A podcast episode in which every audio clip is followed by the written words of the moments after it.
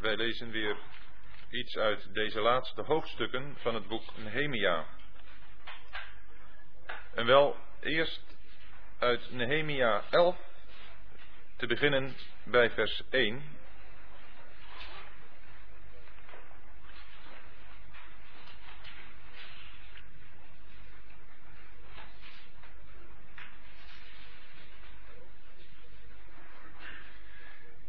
De oversten van het volk gingen te Jeruzalem wonen, maar het overige volk wierp het lot om één op de tien aan te wijzen in Jeruzalem, de heilige stad, te gaan wonen, en negen tienden in de andere steden. Het volk nu prees al de mannen die vrijwillig in Jeruzalem gingen wonen. Dit zijn de hoofden van het gewest, die zich in Jeruzalem vestigden. In de steden van Juda woonden, ieder op zijn bezit in hun steden, Israël, de priesters, de levieten, de tempelhorigen en de nakomelingen van Salomo's knechten. En dan vinden we hoe die allemaal bij namen worden genoemd. En we lezen verder in hoofdstuk 12, bij vers 27. Bij de inwijding van Jeruzalems muur riep men de levieten uit al hun woonplaatsen op en deed hen naar Jeruzalem komen, om de feestelijke inwijding te verrichten met lofzangen en liederen bij cymbalen, harpen en citers. De zangers nu kwamen bijeen, zowel uit de omstreken van Jeruzalem, als uit de dorpen der Netofatieten en uit Bethal Gilgal en de velden van Gibea en Asmavet. Want de zangers hadden zich dorpen gebouwd rondom Jeruzalem. En de priesters en de levieten reinigden zich, en zij reinigden het volk, de poorten en de muur. Toen liet ik de oversten van Juda de muur beklimmen en stelde twee grote zangkoren op om hun optocht voort te trekken. Eén naar rechts over de muur in de richting van de Aspoort. Vers 36, het laatste stukje.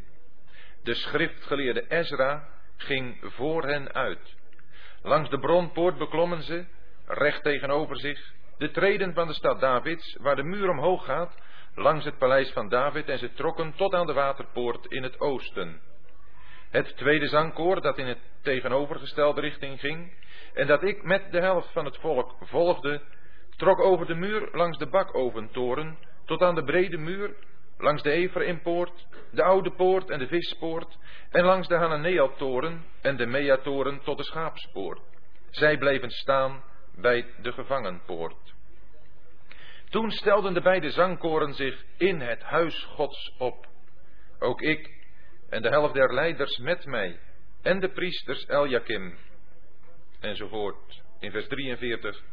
Men bracht op die dag talrijke offers, en men verheugde zich, want God had hen verheugd met grote vreugde.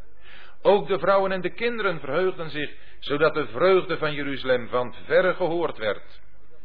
Te dien dagen werden er mannen aangesteld over de kamers voor de voorraden, voor de heffingen, voor de eerstelingen en voor de tienden, om daarin bijeen te zamelen naar verhouding van de akkers der steden, de wettelijke bijdragen voor de priesters en voor de levieten. Want Juda verheugde zich over de dienstdoende priesters en levieten. Zij droegen immers zorg voor de dienst van hun God en voor de reinigingen, evenzo de zangers en de poortwachters, overeenkomstig het gebod van David en zijn zoon Salomo. Want in de dagen van David en Asaf, in de tijd van waleer, ligt de oorsprong van de zangers, van het loflied en de lofzangen aan God. Geheel Israël gaf in de dagen van Zerubabel en in de dagen van Nehemia de bijdragen voor de zangers en voor de poortwachters naar de behoeften van elke dag. Ze schonken heilige gaven aan de levieten en de levieten schonken ze aan de zonen van Aaron.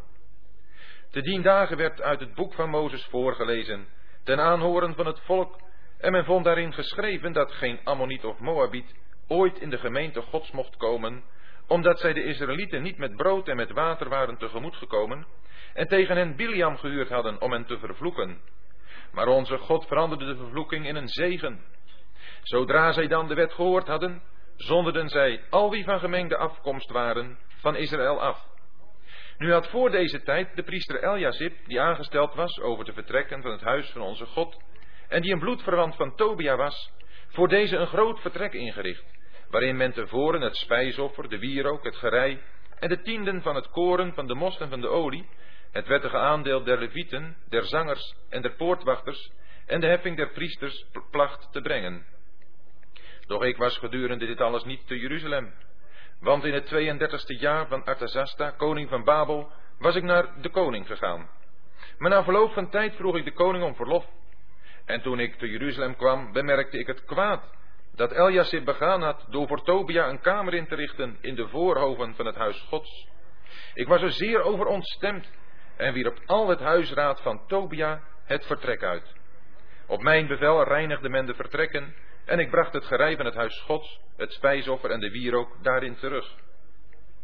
Ook vernam ik dat de bijdragen voor de levieten niet gegeven waren en dat de levieten en de zangers die de dienst verrichten, ieder naar zijn eigen akker de wijk genomen hadden.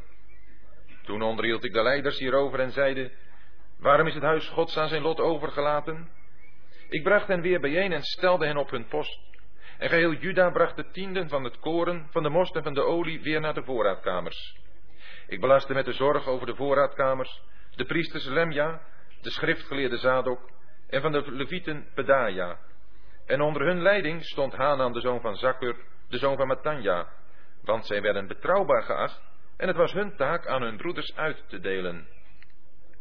Gedenk mij, mijn God, hierom, en wis de weldaden niet uit die ik aan het huis van mijn God en aan zijn instellingen bewezen heb. In die dagen zag ik in Juda mensen die wijnpersen traden op de Sabbat en vrachten koren binnenhaalden en op ezels laden, als ook wijn, druiven en vijgen en allerlei last, en deze op de Sabbatdag naar Jeruzalem brachten. Ik gaf een waarschuwing toen zij de levensmiddelen verkochten. De Tyriërs die daar woonden brachten vis en allerlei koopwaar en verkochten ze op de Sabbat aan de Judeërs, zelfs in Jeruzalem. Toen onderhield ik de edelen van Juda hierover en zeide tot hen, wat doet gij daarvoor slechts, dat gij de Sabbatdag ontheiligt? Hebben ook uw vaderen niet zo gedaan en heeft onze God niet daarom al deze rampspoed over ons en over deze stad gebracht? Zult gij nu nog heviger torengoed over Israël brengen door de Sabbat te ontheiligen? Zodra dan in de poorten van Jeruzalem donker werd, voor de Sabbat, sloten op mijn bevel de deuren en ik beval dat men ze niet zou openen tot na de Sabbat. En ik stelde enige van mijn knechten bij de poorten op. Er zou geen vracht op de Sabbatdag binnenkomen. Toen overnachten de handelaars en de verkopers van allerlei koopwaar een en andermaal buiten Jeruzalem. En ik waarschuwde hen en zeide tot hen, waarom overnacht gij voor de muur? Indien gij dat nog eens doet, zal ik de hand aan u slaan. Van die tijd af kwamen zij niet meer op de Sabbat. Ook beval ik de levieten dat zij zich zouden reinigen en de poorten zouden komen bewaken om de Sabbatdag te heiligen. Gedenk mij ook hierom, mijn God, en ontferm u over mij naar uw grote goedertierenheid. Ook zag ik in die dagen Judeërs, die Asdoditische, Ammonitische en Moabitische vrouwen gehuwd hadden. Van hun kinderen sprak de helft Asdoditisch, en zij waren niet in staat Judees te spreken, maar wel de taal van dit of dat volk. Ik onderhield hen hierover, vervloekte hen, sloeg enigen van hen, trok hun de haren uit en bezwoer hen bij God. Gij moogt uw zonen niet aan hun, uw dochters niet aan hun zonen geven, en geen van u hun dochters voor uw zonen of voor uzelf nemen. Heeft niet hierdoor Salomo, de koning van Israël, gezondigd? Hoewel onder de vele volken geen koning was als hij, en hij een beminde was van zijn God, en God hem tot koning over heel Israël had aangesteld, deden de vreemde vrouwen zelfs hem zondigen. Moeten wij dan van u horen dat gij al dit grote kwaad doet en ontrouw zijt tegenover onze God door vreemde vrouwen te huwen? Een van de zonen nu van Jojada, de zoon van de hoge priester Eljasib, was schoonzoon van de Horoniet Sanballat. Daarom joeg ik hem van mij weg. Gedenk, mijn God, dat zij het priesterschap en het verbond van het priesterschap en van de levieten hebben bevlekt. Ik reinigde hen van al het vreemde en ik trof beschikkingen voor de taak van de priesters en van de levieten, ieder in zijn werk, eveneens voor levering van het hout op vastgestelde tijden en voor de eerstelingen. Gedenk mij, mijn God, ten goede.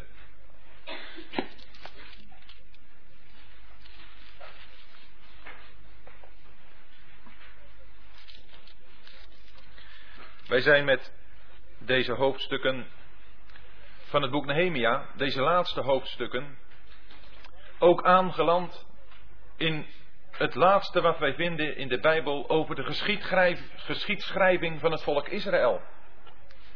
We vinden nog wel de profeet Malachi, die spreekt over een tijd die nog iets na de tijd ligt die we in Nehemia beschreven vinden.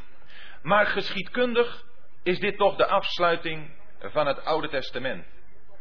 Wanneer Nehemia uit het gezichtsveld verdwenen is, vinden we daar de 400 stille jaren, waarna we in Matthäus 1 opnieuw de geschiedenis van het volk Israël weer opgevat zien.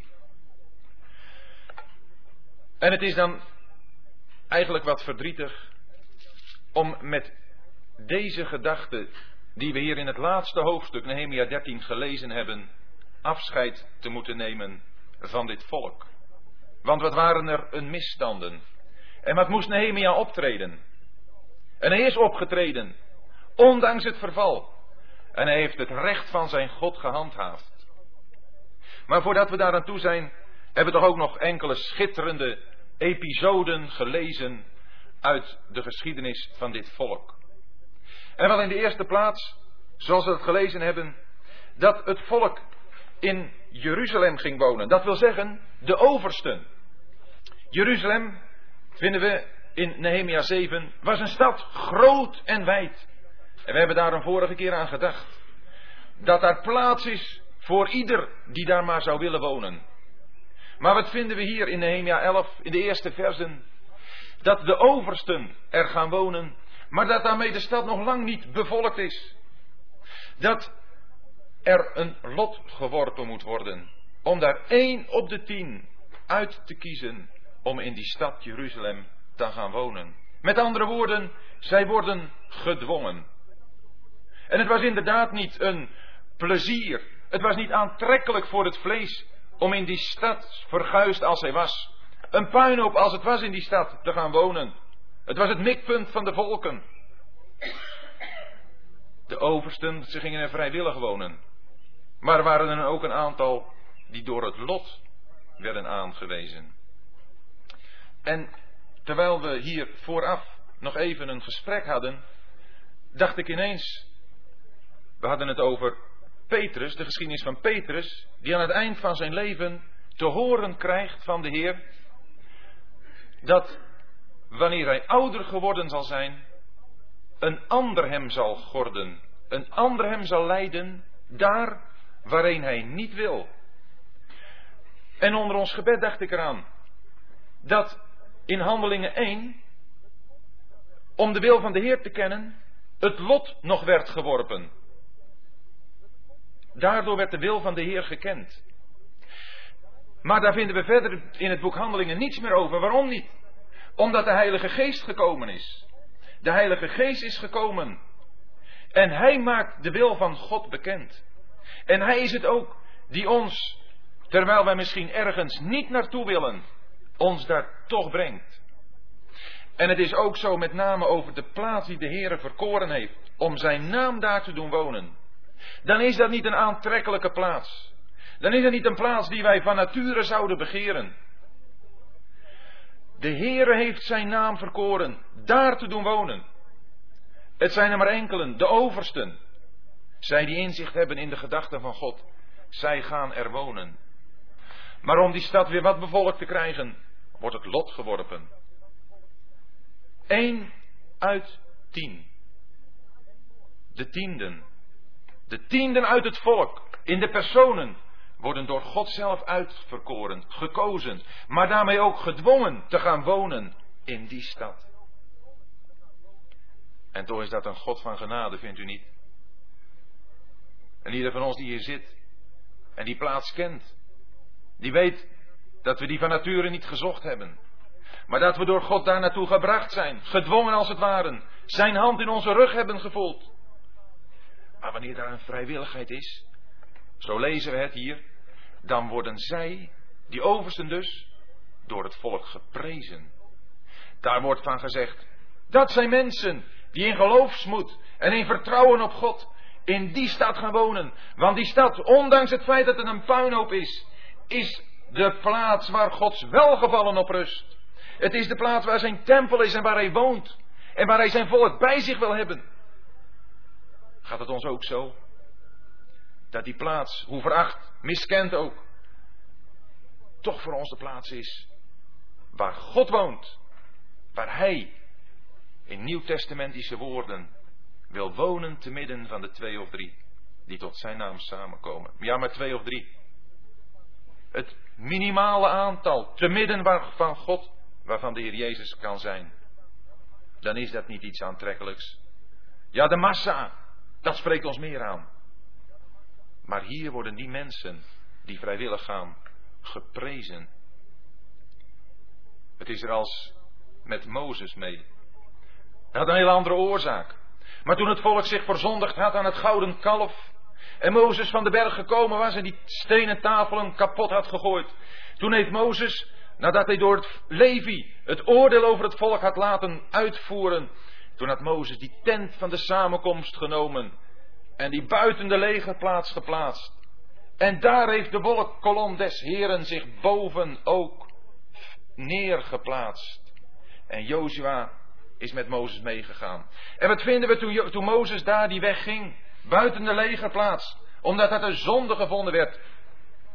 Dat de Israëlieten, ze stonden een ieder in de deur van hun tent. En ze stonden die mannen na te kijken. Maar wie volgden? Ze zijn er alleen gegaan. En zo zullen we ook niet moeten denken dat wanneer de plaats waar God wil wonen voor onze hart een aantrekkelijkheid krijgt, dat dan de massa met ons mee zal gaan wanneer ook die plaats voor ons een plaats wordt van bewondering van God. Een plaats waarvan wij weten en waarvan we in de gedachten en in de gevoelens van God gaan delen dat het zijn plaats is die Hij uitverkoren heeft. Zo mogen we het weten. En hier in Nehemia, daar spreekt het volk goed van deze mensen. Ze prijzen die mensen. Daar hoeven we vandaag de dag niet meer op te rekenen. Dat we geprezen zullen worden. Maar zij doen het. En ze gaan. En dan gaan ze daar wonen. En als ze daar gewoon zijn gaan wonen, dan komt het ogenblik van de inwijding van de muur. We hebben ons in deze serie al bezig gehouden met wat deze muur wil zeggen. De muur is het, zoals aan het eind van Ezekiel 42 staat, die scheiding maakt tussen het heilige, dat wat binnen de muur is dus, en het onheilige, dat wat er buiten is. En die muur, die wordt nu met feestgejubel ingewijd. Ja, want afzondering, dat is maar niet iets waar we een somber gezicht bij moeten zetten. Afzondering, dat is een vreugde. Dat is iets waar je feest bij kunt vieren. Waarom? Omdat het een afzondering is naar de gedachten van God. Nee, die afzondering is niet een zaak waardoor alleen maar een aantal mensen in een isolement zich terugtrekken en zich daarbij volkomen afsluiten voor alles en iedereen en in hun eigen knusse hoekje zo met elkaar gaan zitten genieten van wat zij menen dat de waarheid is. Nee, de afzondering, de waarheid van de afzondering, een zeer impopulaire waarheid, is een waarheid die vreugde geeft. Ze wordt ingewijd met vreugde.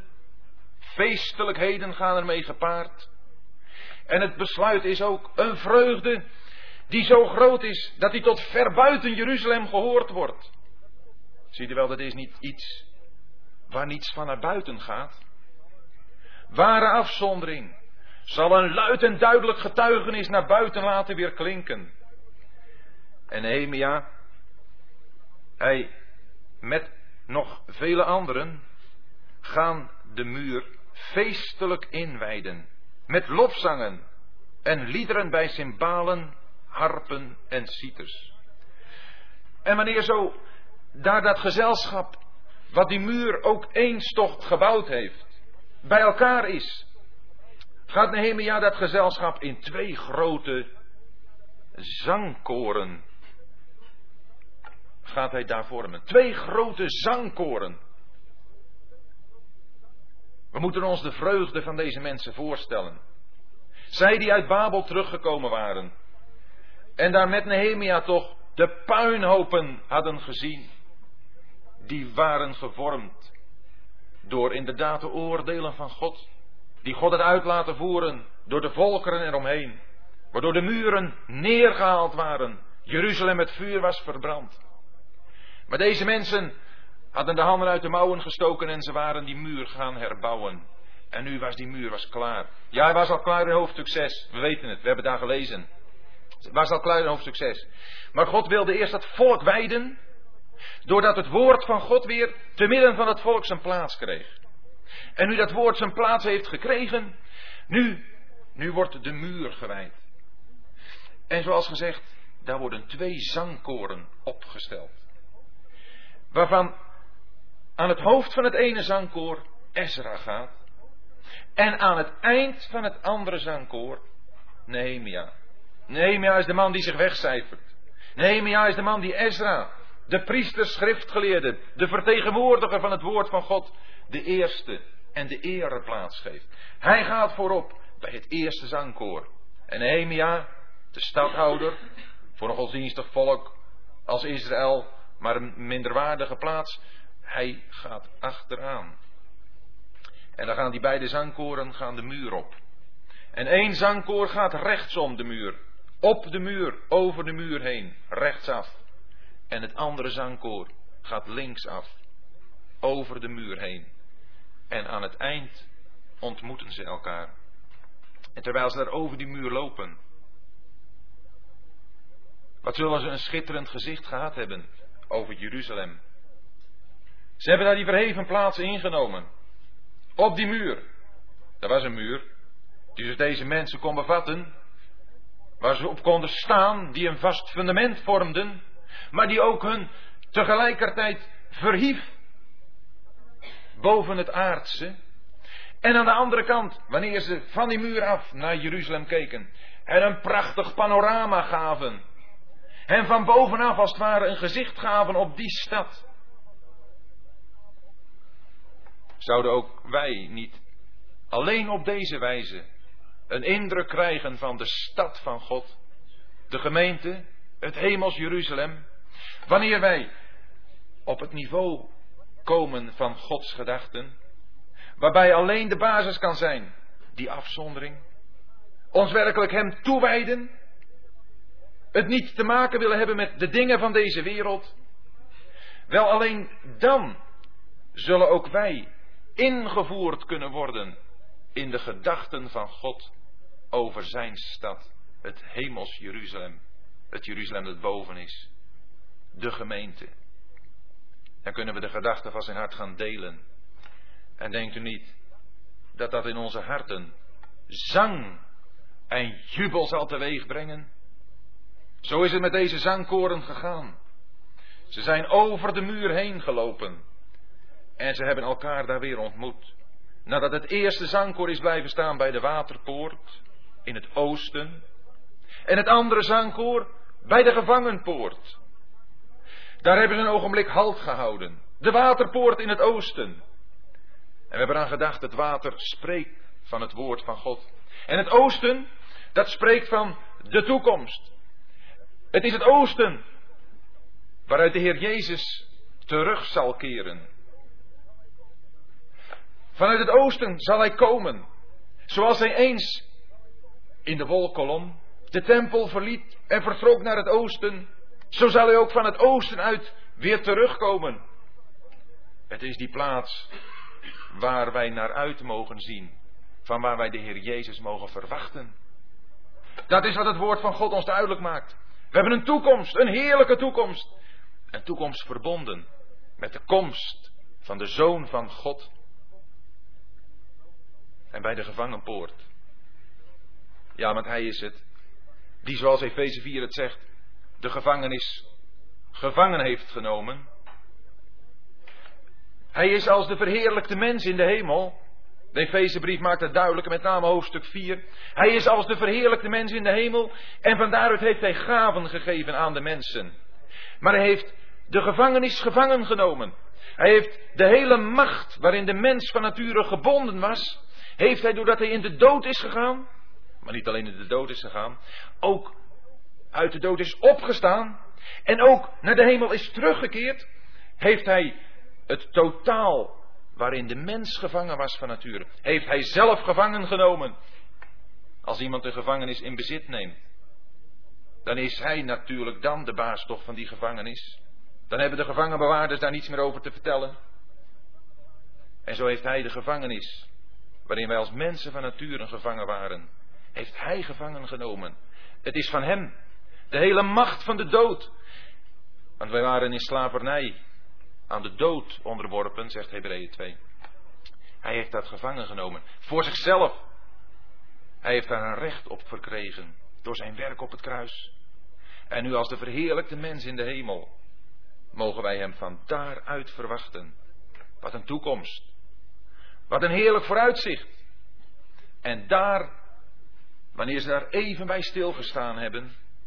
Deze twee zangkoren dan gaan ze samenkomen in het huis van God. Vers 40 van Nehemia 12. Toen stelden de beide zangkoren zich in het huis Gods op. Dat is dan ook het doel. Dat wij misschien in de praktijk van ons dagelijks leven toch in verbinding en als basis op die muur van afzondering mogen wandelen, toch elkaar ontmoeten in het huis van God om daar grote vreugde te bedrijven. Om daar, vers zegt vers 43, in de eerste plaats talrijke offers te offeren. De plaats, het huis van God, is de plaats waar offers worden gebracht. Dat is een plaats waar wij met dankbare harten in Gods tegenwoordigheid mogen komen. Waar wij, zoals we het in de offers mogen zien, aan God mogen gaan vertellen wie de Heer Jezus is. Want Hij is het voorwerp van ons lied. Hij is de inhoud van onze dankzeggingen. Hij is het over wie God graag van ons iets wil ontvangen, iets wil horen. Alles in deze boeken, Ezra en Nehemia, heeft verbinding met elkaar. Dan kom je bij het altaar, waar het dank of vredeoffer gebracht wordt. Dat dankoffer, laten we dat aspect zien. Waarvan ook in 1 Korinthe 10 staat, de drinkbeker der dankzegging, die wij dankzeggend zegenen. Het geeft toch een, een antwoord uit onze harten. Wanneer we zien wat de Heer Jezus voor ons gedaan heeft. Dan kan het toch niet anders als een weerklank vinden. En dan zullen wij toch in het huis van God, waar we mogen samen zijn, waar we samengekomen zijn na die omwandeling in de praktijk van het leven, maar in verbinding met afzondering. En ook in verbinding met de gemeente. Waar wij zo samen mogen komen. Om voor het hart van God uit te spreken. Wie de Heer Jezus is. Want Psalm 87 maakt duidelijk. Psalm 87 maakt duidelijk wat Jeruzalem is voor een stad.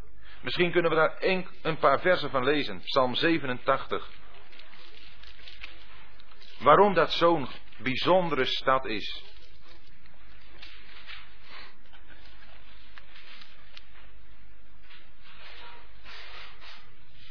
Psalm 87, vers 1. Van de Koragieten een psalm, een lied. Zijn stichting ligt op heilige bergen. De Heere heeft Sions poorten lief, boven alle woningen van Jacob. Heerlijke dingen zijn we nu te zeggen, O gij stad Gods. Raap en Babel vermeld ik als degene die mij kennen. Zie Filistea en Tyrus met Ethiopië. Deze is daar geboren. Ja, van Sion wordt gezegd, ieder van hen is in haar geboren. Hij, de Allerhoogste, bevestigt haar. De Heere telt bij het opschrijven der volken. Deze is daar geboren. We vinden dus verschillende keren gesproken over mensen die geboren zijn. In vers 4, Rahab, profetische uitdrukking voor Egypte, en Babel, Filistea, Tyrus en Ethiopië, die hebben een grote mannen voortgebracht. Daarvan gezegd worden, kijk, die is daar geboren, dat was een man. Daar kun je bewondering voor hebben.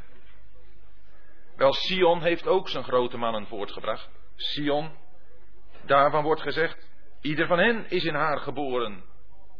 We vinden een David, een Salomo, allemaal mannen in verbinding met die stad Sion. Maar in vers 6, waar het in wezen om gaat, deze is daar geboren. En dat is de Heer Jezus. Hij is het. Om wie God deze plaats verkiest. Boven alle woningen van Jacob. Deze is daar geboren. Het gaat om de Heer Jezus. Het heil is uit de Joden. Het gaat om Hem. Daarom heeft voor God die plaats zo'n grote waarde.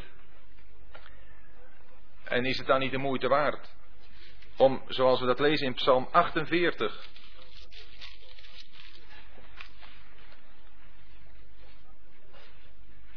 in Psalm 48,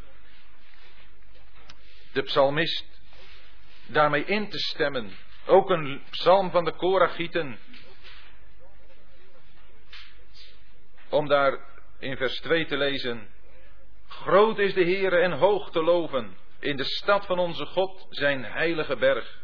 Schoon door zijn verhevenheid, een vreugde voor de ganse aarde, is de berg Sion, ver in het noorden, de stad van de grote koning. En dan in vers 13. Gaat rondom Sion en trekt eromheen. Telt haar torens. Richt uw aandacht op haar voormuur. Doorwandelt haar paleizen. Opdat gij het aan het volgende geslacht kunt vertellen. En in vers 12. Laat de berg Sion zich verheugen. Laat de dochters van Juda juichen om uw gerichten. Ziet u, daar is het de psalmist die opwekt. Gaat rondom Sion. En ik denk dat deze mensen, deze dank, deze zangkoren aan deze psalm gedacht zullen hebben. Toen ze om die stad heen gingen. En die stad gezien hebben met het oog van het geloof. Nee, niet met het natuurlijk oog. Voor het natuurlijk oog, zoals gezegd, was er niets aantrekkelijks. Maar het was de stad die God toerekent, de geboorte van zijn zoon. En daarom, voor het geloof, heeft die stad zo'n grote waarde. Zodat zij er omheen gaan en het zeggen, beziet haar poorten, haar paleizen, kijk ernaar. En dan hebben ze grote, grote vreugde. Nadat ze die offers gebracht hebben, is daar grote vreugde. Bij de vrouwen en de kinderen ook. Bij iedereen. Een vreugde zo groot dat die ver buiten Jeruzalem gehoord wordt. De vreugde speelde zich af in verbinding met Jeruzalem. Maar ze werd tot verder buiten gehoord. Mensen die daar buiten stonden, ze hebben toch in die vreugde gedeeld. Omdat ze ervan hoorden. Het doet ons denken aan Maria. Aan Maria, die de Heer Jezus zo innig lief had. Die aan de voeten van de Heer Jezus gezeten had die hem gekend heeft en die wist dat hij in de dood zou gaan. Zij is een van de weinigen, misschien wel de enige geweest, die eraan gedacht heeft dat de Heer Jezus zou sterven. Zij heeft zijn voeten gezalfd. En toen de discipelen, onder aanvoering van Judas, daar kwaad van spraken, toen heeft de Heer gezegd, Laat haar toe dit gedaan te hebben, want ze heeft het gedaan tot mijn begrafenis. En we lezen dan in Johannes 12. Het huis werd van de balsemgeur vervuld. Ziet u? Daar is die enkeling. Die een daad van genegenheid, van grote bewondering doet. Voor wie de Heer Jezus is. Nee, daar zijn geen woorden bij gesproken. Daar is geen luid gejubel geweest. Maar er is een daad gedaan. Daar is de Heer Jezus gezalfd. En hoe heeft de Heer dat gewaardeerd? Maar hoe heeft die daad van Maria het hele huis in die balsemgeur gevuld? Hoe hebben dus een ieder die daar in het huis aanwezig was, kennis genomen en is erin betrokken geworden in wat Maria daar tot uitdrukking bracht? En daarom, wanneer onze vreugde, onze diepe inwendige vreugde, zo is dat wanneer we bij elkaar zijn, dat we de Heer Jezus alleen zien dan zal er een getuigenis van uitgaan. Tot verre. Dan misschien niet in dat gejuich, maar wel in het getuigenis op zich. Dat er gezegd zal worden, zoals het van de apostelen gezegd werd. En zij herkenden hen dat zij met Jezus waren geweest. Dat kan aan ons te zien zijn, wanneer we zo in zijn tegenwoordigheid geweest zijn. Ze hebben zich verheugd, omdat God hen had verheugd met grote vreugde. Het is de duidelijke werking van God. Het is niet de spontane opwelling van een natuurlijk hart dat onder de indruk komt van de omstandigheden en dat meegesleurd wordt door het enthousiasme van anderen. Het is God zelf die hen met die grote vreugde heeft vervuld. En wanneer het volk zo aan God gegeven heeft wat hem toekomt, gaan zij ook denken aan de priesters en de levieten. En we hebben dat gelezen in vers 44 tot 47. Hoe daar in de voorraadkamers weer bij elkaar gebracht wordt aan behoeften waaruit de priesters en de levieten konden putten om hun werk te doen. Kijk, wanneer God, wanneer de Heer Jezus zijn deel krijgen, dat wil zeggen wanneer wij Hem hun, hun deel geven uit een werkelijke oprechtheid van ons hart, dan zal onze verlangens, zullen onze verlangens ook uitgaan naar hen die Hem dienen. Dan zullen we daar ook voor gaan geven. Dan zullen we zijn werk, wat hij hier op aarde heeft, zullen we ter harte hebben. En zullen we daarin, naar de mogelijkheden die we hebben, voorzien.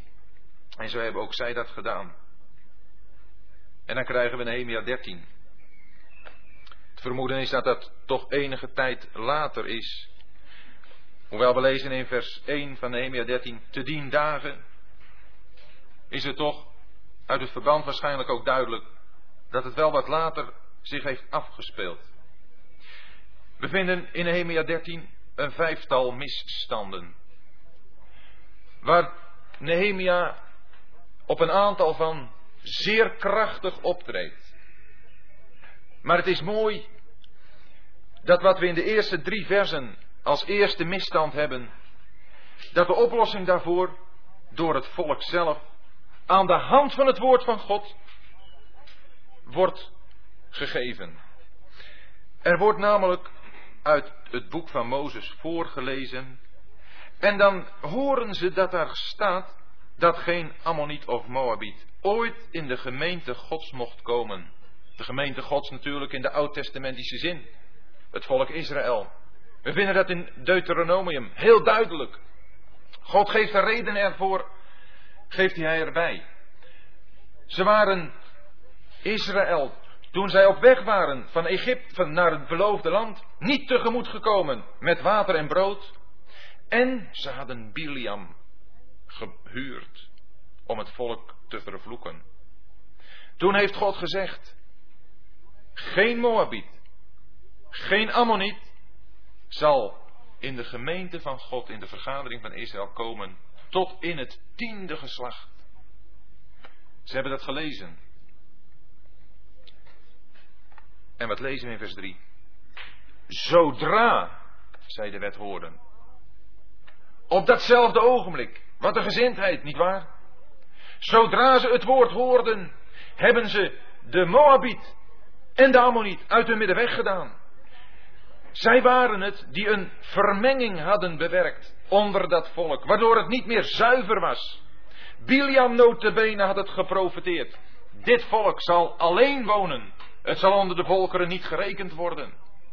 Wat is aan elke vermenging? Een gruwel voor God. En die vermenging moet dan ook worden weggedaan. En wat mooi, dat deze gezindheid bij het volk gevonden wordt, dat zodra ze het woord horen, zij tot handelen overgaan. En in ieder die van gemengde afkomst is, van Israël afzondert. Directe gehoorzaamheid. Dat is wat de Heer van ons mag verwachten. Deze gemengde situatie, waarbij de Ammonieten en de Moabieten waren geïnfiltreerd in het volk, doordat er een niet een werkelijk wachthouden was een op de plaats staan van de portiers was. Om zich te vrijwaren van deze invloeden. Toen dit gebeurd was, is dit waarschijnlijk te danken geweest aan het optreden van de priester Eljasip. We lezen in vers 4 tot en met vers 9 dat notabene de priester Eljasip, die aangesteld was over te vertrekken van het huis van onze God, voor Tobia een groot vertrek in het huis van God had ingericht. En waar? Zegt vers 5. Op die plaats waar men tevoren het spijsoffer, het wierook, de wierook, het gerei en de tiende van het koren, van de mos, van de olie had gebracht. De priester Eljasip had een groot vertrek voor deze vijand van Gods volk in het huis van God ingericht. Herinneren we ons Tobia? De man die zo van, zo van zich heeft laten horen. In Nehemia 2. Maar meer nog in Nehemia 4. Weet u, toen ze de muur gingen bouwen. En hoe deze man zich met hand en tand heeft verzet en alle mogelijke middelen heeft aangegrepen om maar te voorkomen dat die muur zou worden gebouwd. Maar hij had met Eljasip connecties aangeknoopt. En de priester Eljasip, hij was erin getippeld. Hij had zich met hem verbonden. En hij had Tobia niet alleen maar binnen Jeruzalem gehaald. Ja, binnen Jeruzalem kon Tobia ook komen, omdat Eljasip, als het dezelfde is, van Nehemia 3, weet u nog wel, die de poort van de, die de schaapspoort had gebouwd, daar in die poort geen grendels had gemaakt. En hij kon er binnenkomen.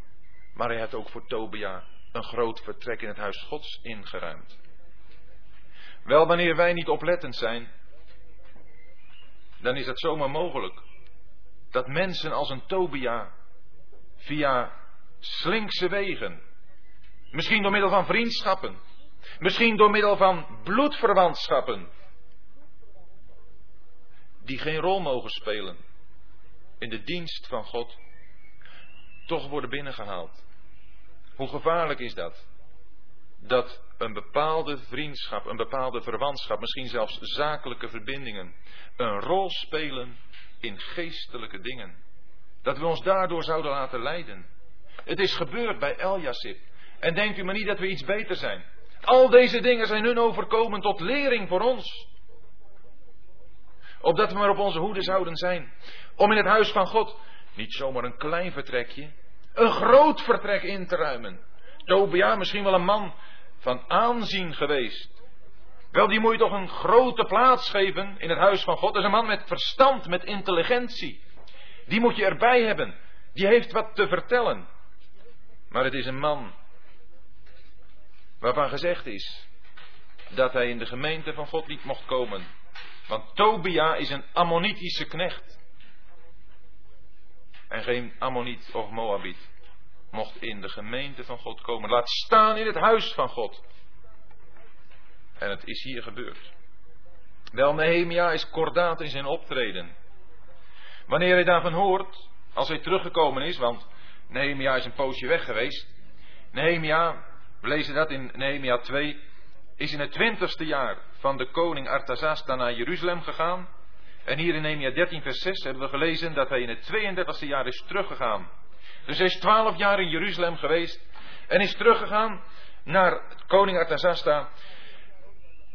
Wanneer hij daar is, vraagt hij verlof om weer naar Jeruzalem te mogen gaan. En aangekomen in Jeruzalem hoort hij van deze misstand.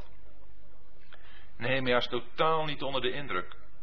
Niet van Tobia, maar ook niet van Eljasip. Ondanks de hoge plaats van Eljasip. Ondanks het aanzien van een Tobia. Nehemia gooit alles wat van Tobia is eruit. Uit het huis. Het heeft er geen plaats. En wat een belangrijke les is dat voor ons. Nehemia had kunnen zeggen: Het kwaad is nu één keer geschied. Ik kan er ook niets aan doen. Maar we zullen proberen te voorkomen dat zoiets nog een keer gebeurt. Nee, Nehemia treedt op. En hij treedt heel handelend op. Verderop zullen we zien dat hij nog sterkere maatregelen neemt. Nehemia stond voor de eer van God. En hij stond voor de heiligheid van het huis van God. De Heer Jezus heeft eenmaal van een zweep heeft hij genomen en heeft de mensen waarvan hij het zegt dat ze het huis van God tot een huis van koophandel gemaakt hadden, eruit gejaagd. Zo is Nehemia hier te werk gegaan. Niet als een razende, als een onbezonnene, maar Nehemia was doordrongen hiervan dat het ging om de heiligheid van het huis van God. En heeft het eruit gegooid. Waarom was het zo nodig ook? Om de heiligheid van de woonplaats van God. Maar ook omdat waar Tobia was, niet kon zijn het spijsoffer, de wierook, het gerei, alles wat aan God gewijd was. En dat is dan ook wat hij weer terugbrengt daarin, in vers 9. Op mijn bevel reinigde men de vertrekken en ik bracht het gerei van het huis Gods, het spijsoffer en de wierook daarin terug. Ja, het is één ding om de bezem door iets te halen. Maar het is een ander ding om dan een goede invulling te geven. De Heer Jezus zegt het van Jeruzalem. Jeruzalem, er zal een tijd komen dat dat huis geveegd en versierd is. Dat de geest, de boze geest, uit het huis is gevaren. Het huis geveegd en versierd. Maar daarna zal hij terugkomen en zeven andere geesten met zich meenemen, bozer dan hij zelf. En het laatste van het huis zal erger zijn dan het eerste. Wanneer wij, en mogen we nu eens even voorgesteld vinden, het natuurlijk denken, de positie van de mens, de welsprekendheid van waarmee iets gezegd wordt, vinden we dat allemaal belangrijk? Hebben we daar een groot gevoel voor? Dat zijn dingen die eruit moeten, want dat zijn dingen die spreken van de natuurlijke mens. Maar wanneer dat niet opgevuld wordt met het spijsoffer en de wierook, wanneer niet opgevuld wordt met de persoon van de Heer Jezus, want het spijsoffer spreekt van de Heer Jezus zoals Hij in zijn leven hier op aarde geweest is. Het spijsoffer, het meelbloem, het fijne meelbloem, dat gemaakt is van die tarwe, tarwe die gegroeid is uit deze aarde, spreekt van het onberispelijke, reine, smetteloze leven van de Heer Jezus. Dat leven dat zo volkomen God toegewijd was, dat God daarvan kon zeggen, deze is mijn geliefde zoon, in wie ik mijn welgevallen heb. Dat leven ook, wat hij kon afleggen op het kruis, aan God kon opofferen. Dat leven dat niets met de zonde te doen had. Neemt dat dan de plaats in, in onze harten?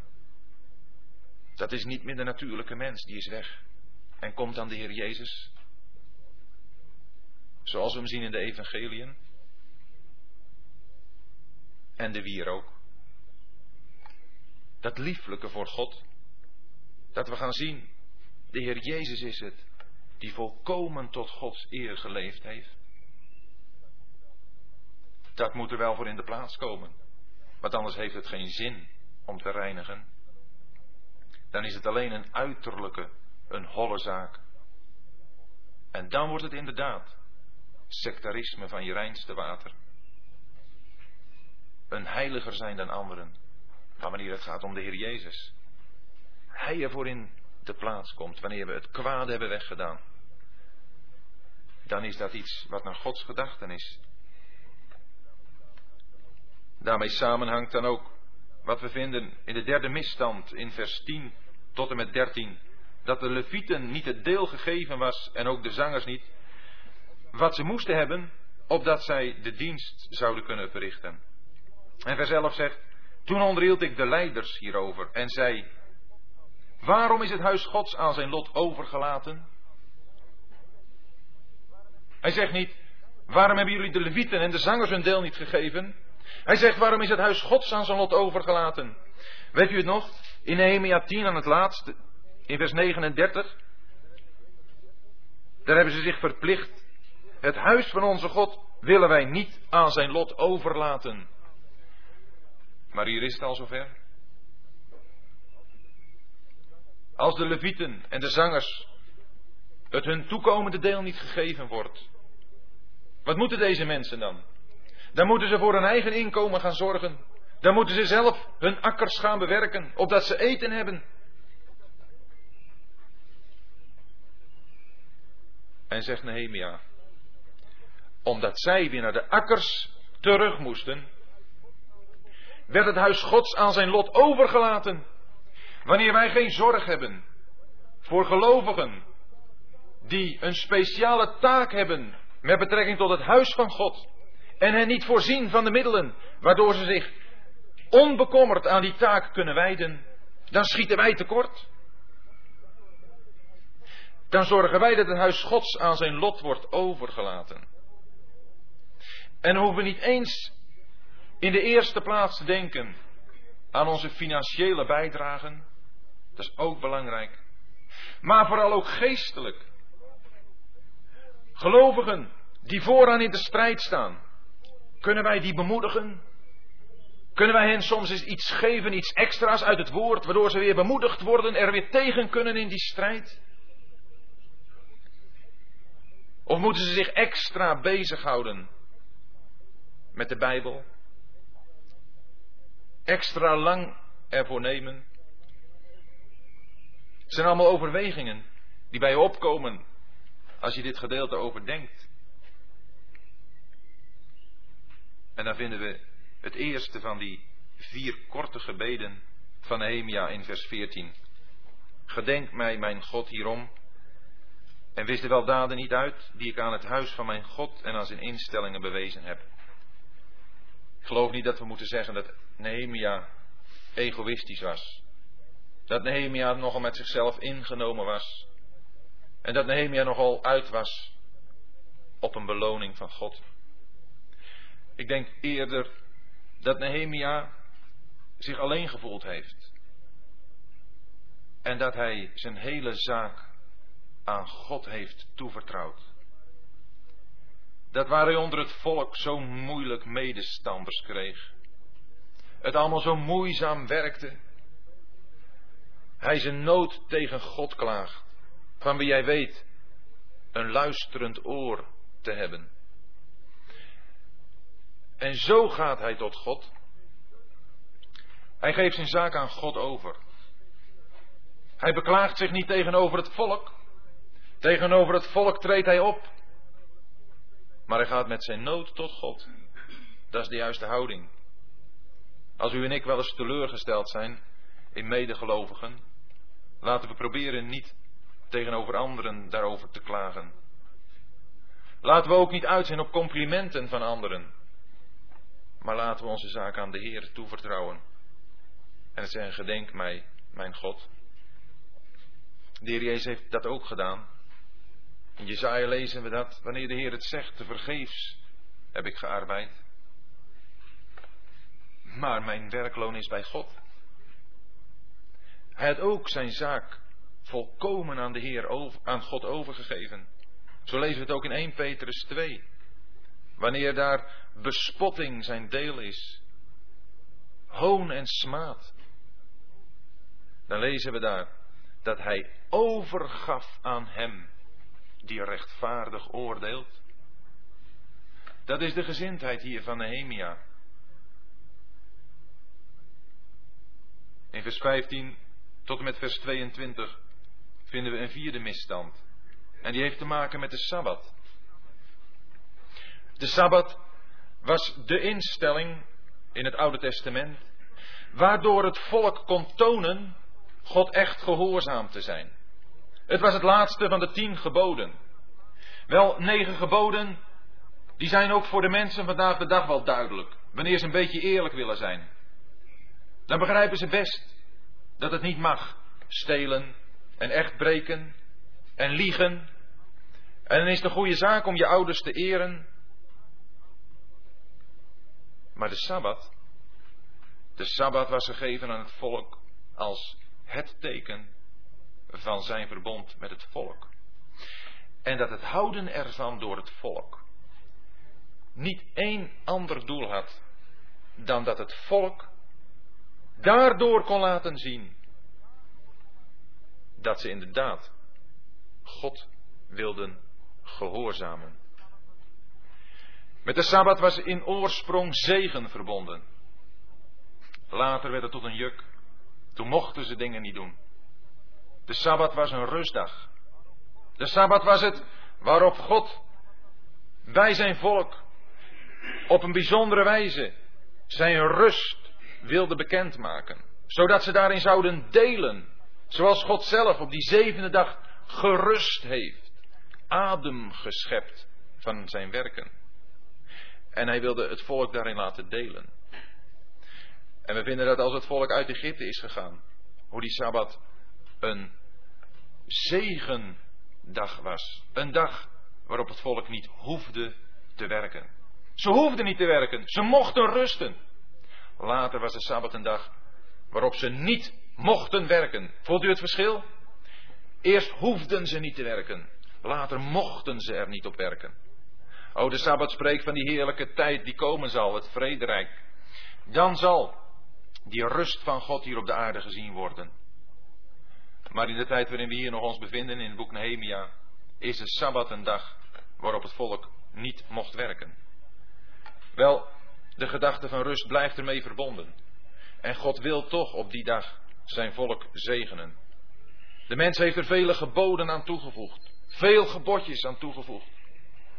Maar het is de dag van de Heer. De zevende dag. Wij houden die dag niet. De Sabbat. En we moeten ook niet die dag over gaan hevelen op de zondag. Want de zondag is niet de zevende dag, maar de eerste dag van de week. En de Sabbat, de zondag is ook niet een verkapte Sabbat in die zin dat wij op die dag allerlei dingen niet mogen doen. Want we zijn niet onder de wet, maar onder de genade. Maar wanneer dat zou betekenen dat wij het bijzondere, en ik denk dat dat de les is hier, het bijzondere van wat in Openbaring 1 genoemd wordt, de dag van de Heer, inhoudt, dan zijn we verkeerd bezig. Wij hebben ook die dag die de Heer voor zich neemt, waarvan we lezen dat het de dag van de Heer is. Er worden twee dingen van de Heer genoemd, weet u dat? Het avondmaal van de Heer en de dag van de Heer. Dat hoort bij elkaar. Het is daarom ook die dag die we bij uitstek mogen gebruiken om op die dag van de Heer het avondmaal van de Heer te vieren. Maar die eerste dag van de week, die zondag, is ook de dag waarvan Johannes 19 tweemaal zegt dat hij op de eerste dag van de week te midden van zijn discipelen verscheen. Waarbij wij dus op een bijzondere wijze gebruik mogen maken van een gelegenheid om een ontmoeting te hebben met de Heer Jezus. En daarbij mogen we die hele dag de Heer toewijden. Ook geloof niet dat het betekent dat we niet met onze kinderen zouden mogen wandelen, bijvoorbeeld. Maar toch zullen we ons in gedachten moeten houden dat het de dag is van de Heer. En dat het belangrijk is dat wij die dag ook zo gebruiken. Dat het niet een dag is waarop we op onze hobby's gaan uitoefenen. Waarop wij aan onze trekken komen.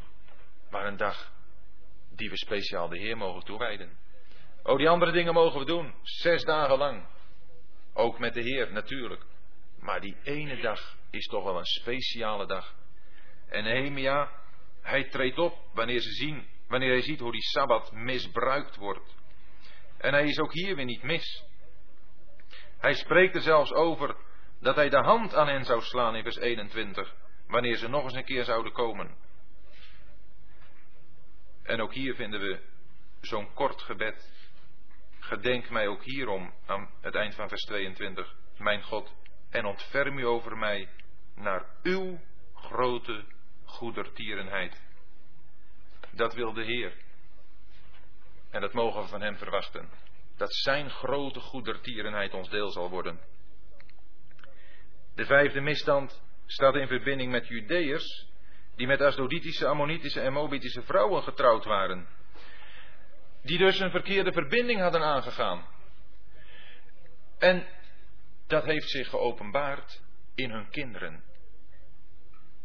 Die kinderen, die konden niet het Judees spreken.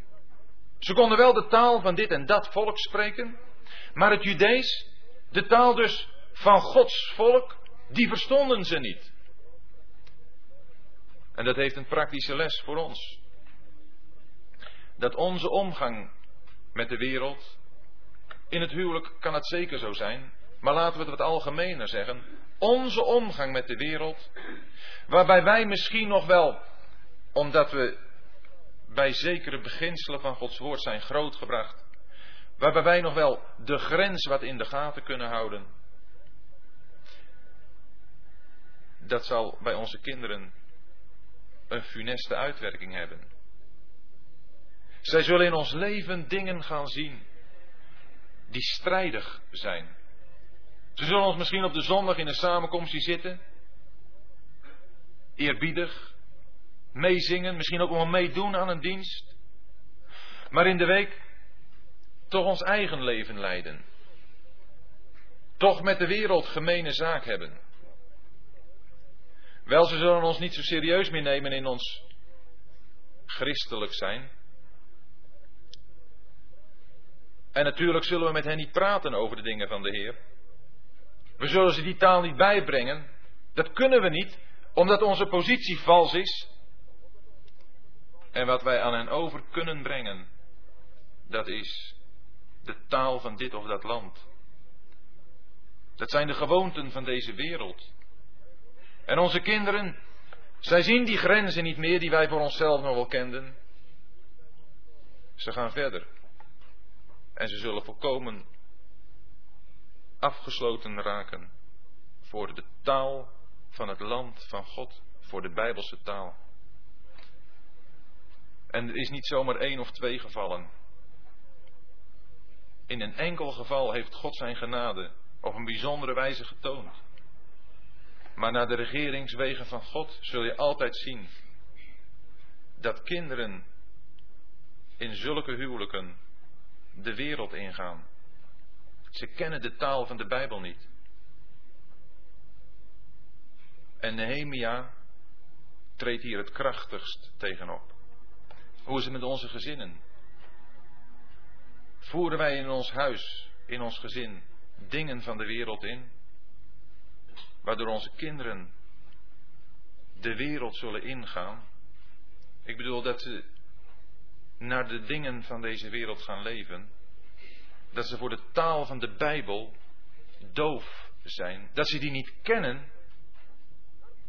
Dat er geen hart is wat daarvoor open staat. Zo lezen we het hier toch? O Nehemia, Hij onderhield hen hierover. Hij vervloekte hen, sloeg enige van hen, trok hun de haren uit en bezwoer hen bij God. Ja, Nehemia, nou ga je toch wel helemaal te ver, hè? Nee, Nehemia gaat niet te ver. En wij gaan vandaag ook niet te ver. Wanneer wij op de meest duidelijke wijze op deze dingen wijzen. Salomo, die enorm wijze man, hij had gezondigd. Al zijn wijsheid had hem niet van dit pad kunnen vrijwaren. En als als Salomo, omdat hij zulke vrouwen huwde, daaraan ten onder ging, hoe zouden wij dan? Wanneer wij de dingen, de beginselen van deze wereld, ook van de christelijke wereld, toelaten. We gaan onderuit. We houden het niet vol. En onze kinderen worden de dupe. En daarom welk mens ook, die voor ons in hoog aanzien is, zoals hier Salomo bij het volk, is nooit enige garantie dat wanneer wij in hem een slecht voorbeeld hebben, dat voorbeeld kunnen volgen. Dat voorbeeld nooit. We zullen altijd het woord van God alleen moeten handhaven. Daar hebben u en ik volkomen genoeg aan. Gelukkig. Daar hebben we genoeg aan. Daar kunnen we het mee doen. En daar kunnen we ook op vertrouwen met betrekking tot onze kinderen. En daar kunnen we ook God op vertrouwen. Dat wanneer wij ernst maken met het gaan van de weg naar Gods woord, het ook met onze kinderen goed zal komen. En tenslotte heeft Nehemia nog één tegenstander. Dat is de schoonzoon in vers 28. Een van de zonen nu van Jojada, de zoon van de hoge priester Eliasib, was schoonzoon van de Horeniet Sanballat. Daarom joeg ik hem van mij weg. Hier hebben we hetzelfde beginsel. Ook Eliasib hier weer verbonden. Nu met Sanballat. Eerst Tobia, hier Sanballat, de Horoniet. Horonaim was een plaats in Moab. Ammon en Moab, verbonden met Eliasib, waarbij Nehemia kordaat optreedt en de invloeden verwijdert. In vers 29, het derde korte gebed. Gedenk mijn God dat zij het priesterschap en het verbond van het priesterschap en de levieten bevlekt hebben. Hij ziet goed wat er aan de hand is. Hij doorziet het, wat de gevolgen zijn van deze verbinding. Het priesterschap en het van de levieten, dat wordt bevlekt. Dat is niet in al zijn reinheid en heiligheid en zuiverheid staat dat meer voor God. En God wil ons als priesters en levieten zuiver en rein hebben. En met die reinheid eindigt dit boek in vers 30. Hij reinigde hen van al het vreemde. En, zoals we al gedacht hebben, voor die reiniging in de plaats gaat hij beschikkingen treffen dat de taak van de priesters en de levieten ieder in zijn werk zich weer zullen gedragen, evenals voor de levering van het hout op vastgestelde tijden en voor de eerstelingen. De priesters en de levieten, ieder in zijn werk. Wat zal dat voor de Heer een welgevallen zijn, wanneer dat ook bij u en bij mij zo zal zijn, dat we als priester en als leviet hier op aarde ons werk zullen doen. Als priester intreden in het heiligdom om God offers te brengen. En als leviet hier op aarde voor hem bezig te zijn. Naar deze wereld toe. Naar elkaar toe. Gedenk mij, mijn God, ten goede. Nehemia weet, al zijn ijver, al zijn inzet, het zal eenmaal door hem, door God zelf, naar zijn waarde worden geschat. Hij zal het belonen. Hij zal het ten goede belonen. De dag van de openbaarwording komt voor de rechterstoel van Christus. En dan zal een ieder ontvangen wat hij gedaan heeft. Het zij goed, het zij kwaad. Hij wil ons ten goede gedenken. Kunnen u, en kan ik dat zeggen, gedenk mij, mijn God, ten goede.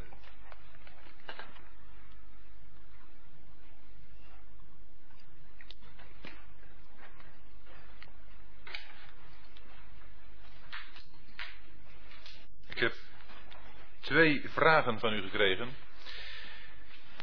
In volgorde van binnenkomst. Rut, de schoondochter van Naomi, was toch ook een Moabitische? En uit haar is toch de Heer Jezus geboren? Hoe mogen wij dit zien? Willen we even dat stukje lezen uit Deuteronomium 22, waar het staat dat geen Moabiet of allemaal niet in de vergadering des Heren mag komen. Deuteronomium 23.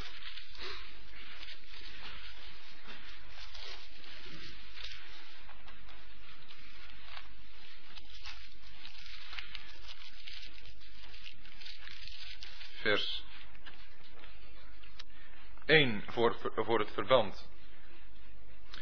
Hij die door kneuzing ontmand is, of wie het mannelijk lid is afgesneden, zal niet in de gemeente des Heren komen. Een bastaard zal niet in de gemeente des Heren komen, zelfs zijn tiende geslacht zal niet in de gemeente des Heren komen. Een Ammoniet of Moabiet zal niet in de gemeente des Heren komen. zelfs hun tiende geslacht zal nimmer in de gemeente des Heren komen. We vinden hier drie gevallen waarvan heel duidelijk gesproken wordt dat zij in de gemeente des Heren niet mochten komen. In de eerste plaats een ontmande, in vers 1. In de tweede plaats een bastaard, in vers 2. In de derde plaats Ammoniet of Moabiet. Dit is wat God gezegd heeft onder de wet. Dus dat zijn hele duidelijke voorschriften. Maar we vinden dat de genade altijd verder gaat. En daarom dat ik vers 1 en vers 2 er ook bij gelezen heb.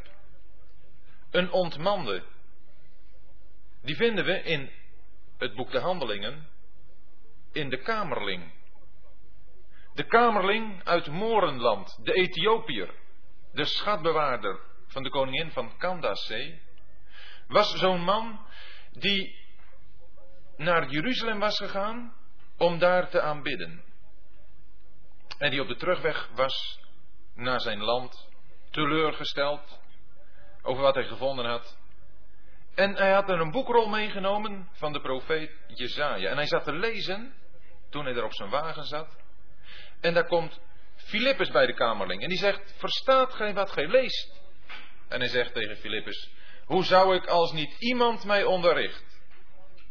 Filippus had hem horen lezen over een lam en over een schaap dat de slacht ingeleid wordt en een, dat stom is voor het aangezicht van zijn scheerders. En hij vraagt aan Filippus, van wie zegt de profeet dit? Van zichzelf of van iemand anders?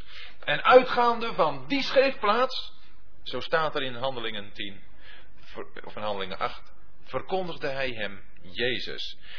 En doordat deze kamerling tot de erkenning komt dat hij een zondaar is en dat hij de Heer Jezus nodig heeft, wordt hij, nadat hij ook door Filippus is gedoopt, maar door de bekering wordt hij een lid van de gemeente. Dat is iemand die ontmand is. De genade gaat verder dan de wet.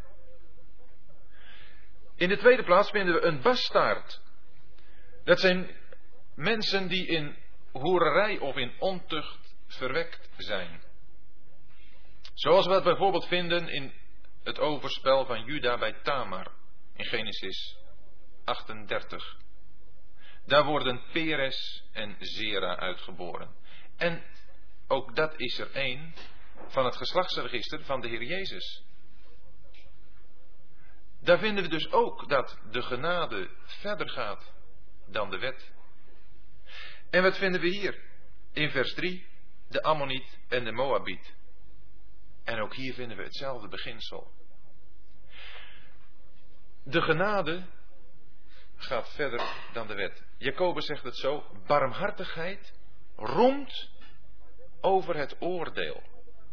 De wet oordeelde, maar de barmhartigheid gaat er bovenuit.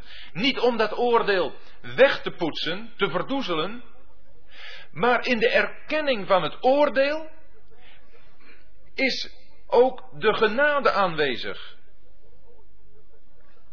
Ik denk dat we een heel mooi voorbeeld daarvan zien van die vrouw, die Canaanitische. Die Canaanese vrouw.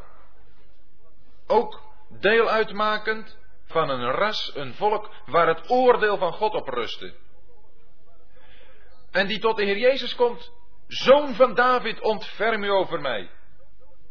Want mijn dochter is, ik meen dat zij bezeten was. Maar de Heer antwoordt helemaal niet. En hij blijft, zij blijft aanhouden. En de discipelen zeggen: stuur haar toch weg. Maar zij blijft aanhouden. Het geloof houdt vol. Zelfs wanneer de Heer Jezus zegt: Ik ben niet gezonden dan alleen tot de verloren schapen van het huis Israëls. Die Canaanese vrouw kon dus helemaal geen aanspraak maken op de Heer Jezus als de zoon van David. Want als zodanig was ze alleen voor het volk Israël gekomen. En daar maakte zij geen deel van uit. Maar dan zegt zij, maar de honden eten toch ook van de kruimeltjes die van de tafel van hun meester vallen? En dan zegt de Heer, Vrouw, groot is uw geloof. Ga heen. Dat is toch mooi? Dat is genade. Genade die bewezen wordt aan mensen die de plaats innemen van afhankelijk te zijn van genade alleen. Die niet op hun rechten willen staan, want er zijn geen rechten. Wat had de Moabitische voor rechten? Ze had geen rechten. Maar ze erkende tegen Naomi, uw God is mijn God, uw volk is mijn volk. De plaats waar u heen gaat, ga ik heen. Waar u zult sterven, daar wil ik sterven. Waar u zult vernachten, zal ik vernachten. Zij vereenzelvigde zich met Naomi. In de erkenning dat zij geen rechten had. En de hele geschiedenis van Rut maakt duidelijk dat het een vrouw is die van genade en van geloof alleen leefde. En wanneer die plaats wordt ingenomen, komt de genade als een stroom over zo iemand. En zo is het ook voor ons. Wat voor recht hadden wij en hebben wij op het deel uitmaken van Gods volk? Daar zijn geen rechten aan ten grondslag. Dat is alleen genade. En dat is alleen geloof in de persoon van de Heer Jezus. En wanneer daar een beroep op gedaan wordt, is daar een toevoegen tot die gemeente. Daarin ligt het geheim. En ik heb nog even naar de plaats gezocht. Rut, de Moabitische, is een, maakt deel uit van het geslachtsregister van de Heer Jezus. Maar ik meen dat Salomo, of een van de andere nakomelingen, of Rehabiam, Rehabiam geboren is uit het huwelijk tussen Salomo en een Ammonitische. Moet ik maar eens even nakijken, maar dat meen ik dat dat zo is, dat het ergens staat dan zie je dat zelfs ook Rehabiam, die voorkomt in het geslachtsregister van de Heer Jezus, als moeder een Ammonitische heeft. Dus een Moabitische en een Ammonitische. Samen in het geslachtsregister van de Heer Jezus. Dat is genade die alleen maar veel verder gaat. Ragab, ook zo'n heel duidelijk voorbeeld. Ragab de hoer. Deel uitmakend van een volk waarover het oordeel van God kwam. En ook nog een vrouw van zo'n slechte komaf. Daarover moest in elk geval het oordeel. Maar zij had met geloof, zegt Hebreeën 11, met geloof de verspieders opgenomen. En Joshua 2 toont haar als een vrouw die geloof heeft in wat God gezegd heeft over zijn volk. Zij wist dat het volk Israël in het land zou komen. En dat heeft zij aanvaard in geloof. En toen de verspieders zeiden dat ze dat touw uit het raam moest hangen, heeft ze dat gedaan. En als het ware door dat touw zich verbonden met dat volk. Dat was geloof. En geloof voert altijd binnen daar waar op grond van rechten niets is. Waar op grond van rechten alleen maar oordeel zou zijn. Zo is God. Inderdaad, ook een prachtvoorbeeld. Ragab. Ik hoop dat het enigszins duidelijk is dat Rut, alhoewel ze een Moabitische was, toch ingevoerd is in het volk en dat niet alleen, zelfs in het geslachtsregister van de Heer Jezus. Dat kan alleen genade bewerken. De tweede vraag, is de Sabbat alleen voor de Joden ja, ik geloof van wel. Die is alleen voor de Joden. In Ezekiel, hoofdstuk 20, lezen we dat heel uitdrukkelijk. Ezekiel, hoofdstuk 20, en daarvan het elfde vers.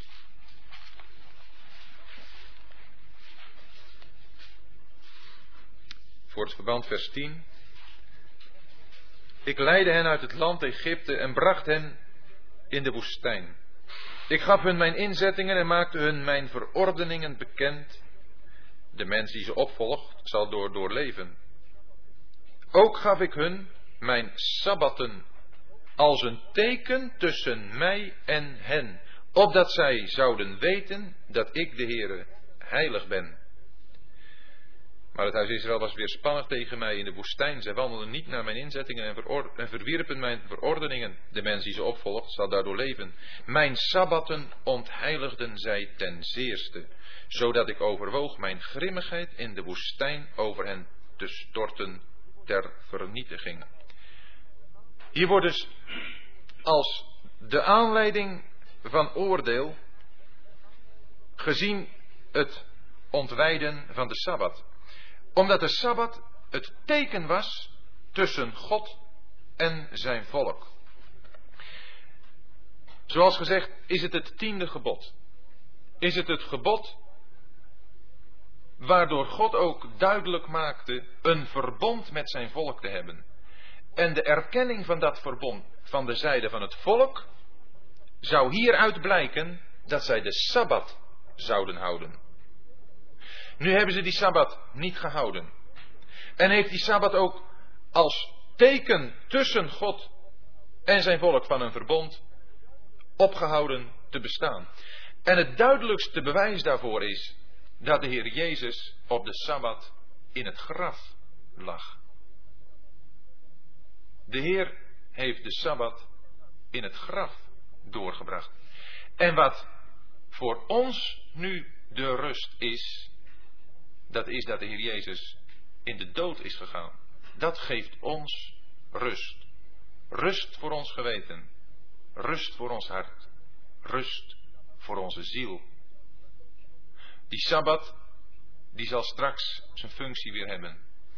Maar juist omdat ze alleen voor de Joden is, zal het ook zijn wanneer God de draad met zijn volk weer heeft opgenomen in de toekomst.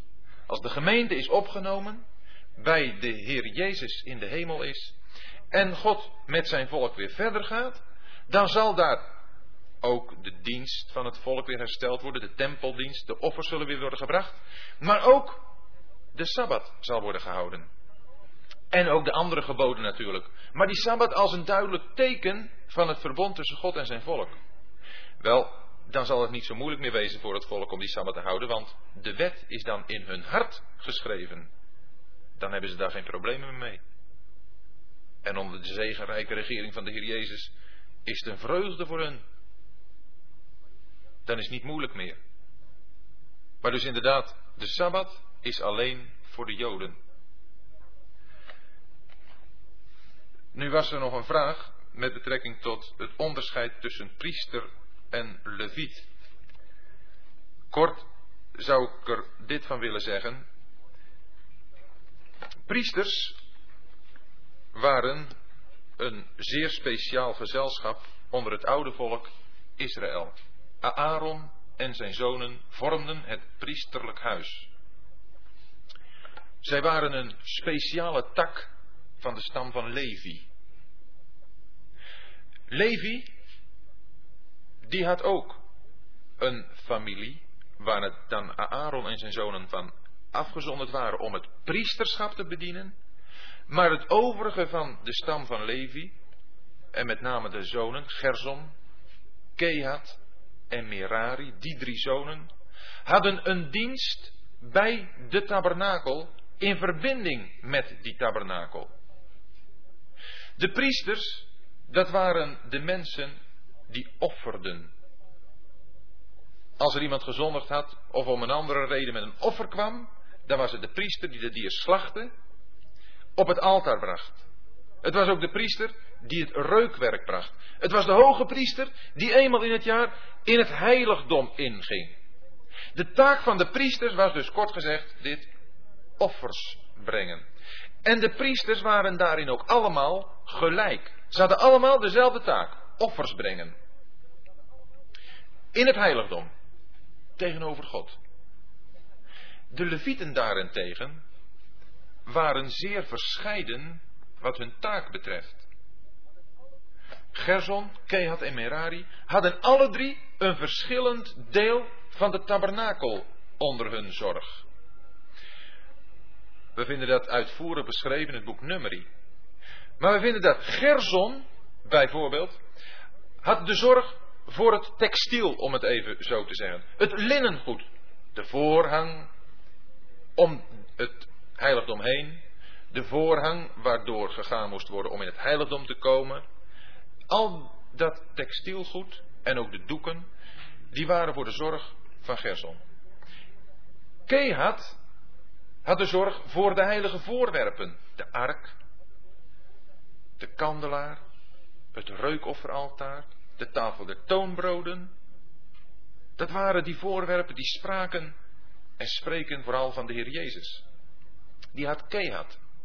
En Merari, die was belast met het zware werk van de planken, van de pilaren. Daar moesten zij voor zorgen. Dus misschien dat, dat zeggen, dat sprak mij dan het meeste aan als onderscheid. Priesters hebben één en dezelfde taak met betrekking tot God in het heiligdom, dat is offeren. Daar zijn ze allemaal gelijk in. En de levieten hebben allemaal een verschillende taak. Een veelzijdigheid waarin iedere leviet weer een andere taak heeft. En de gelovigen van vandaag zijn en allen priesters en allen levieten. Maar als priesters zijn ze dus gelijk voor God. En als levieten zijn ze allemaal verschillend. Hebben ze allemaal een verschillende taak uit te voeren. En dat is niet zozeer in het heiligdom, maar in deze wereld. De levieten hadden de tabernakel om te dragen door de woestijn heen. Dus daar is een heel duidelijk onderscheid. En de Heer mag ons helpen om zowel als priester de dienst te doen in het heiligdom, als ook als leviet de dienst te doen hier in deze wereld.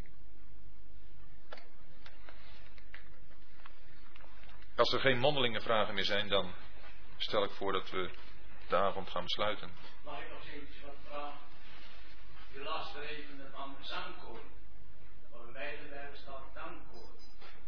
Ik dacht dat ik ook uh, een beetje soms dankkoren zijn, soms zangkoren. Zo zelf is dat zangkoor.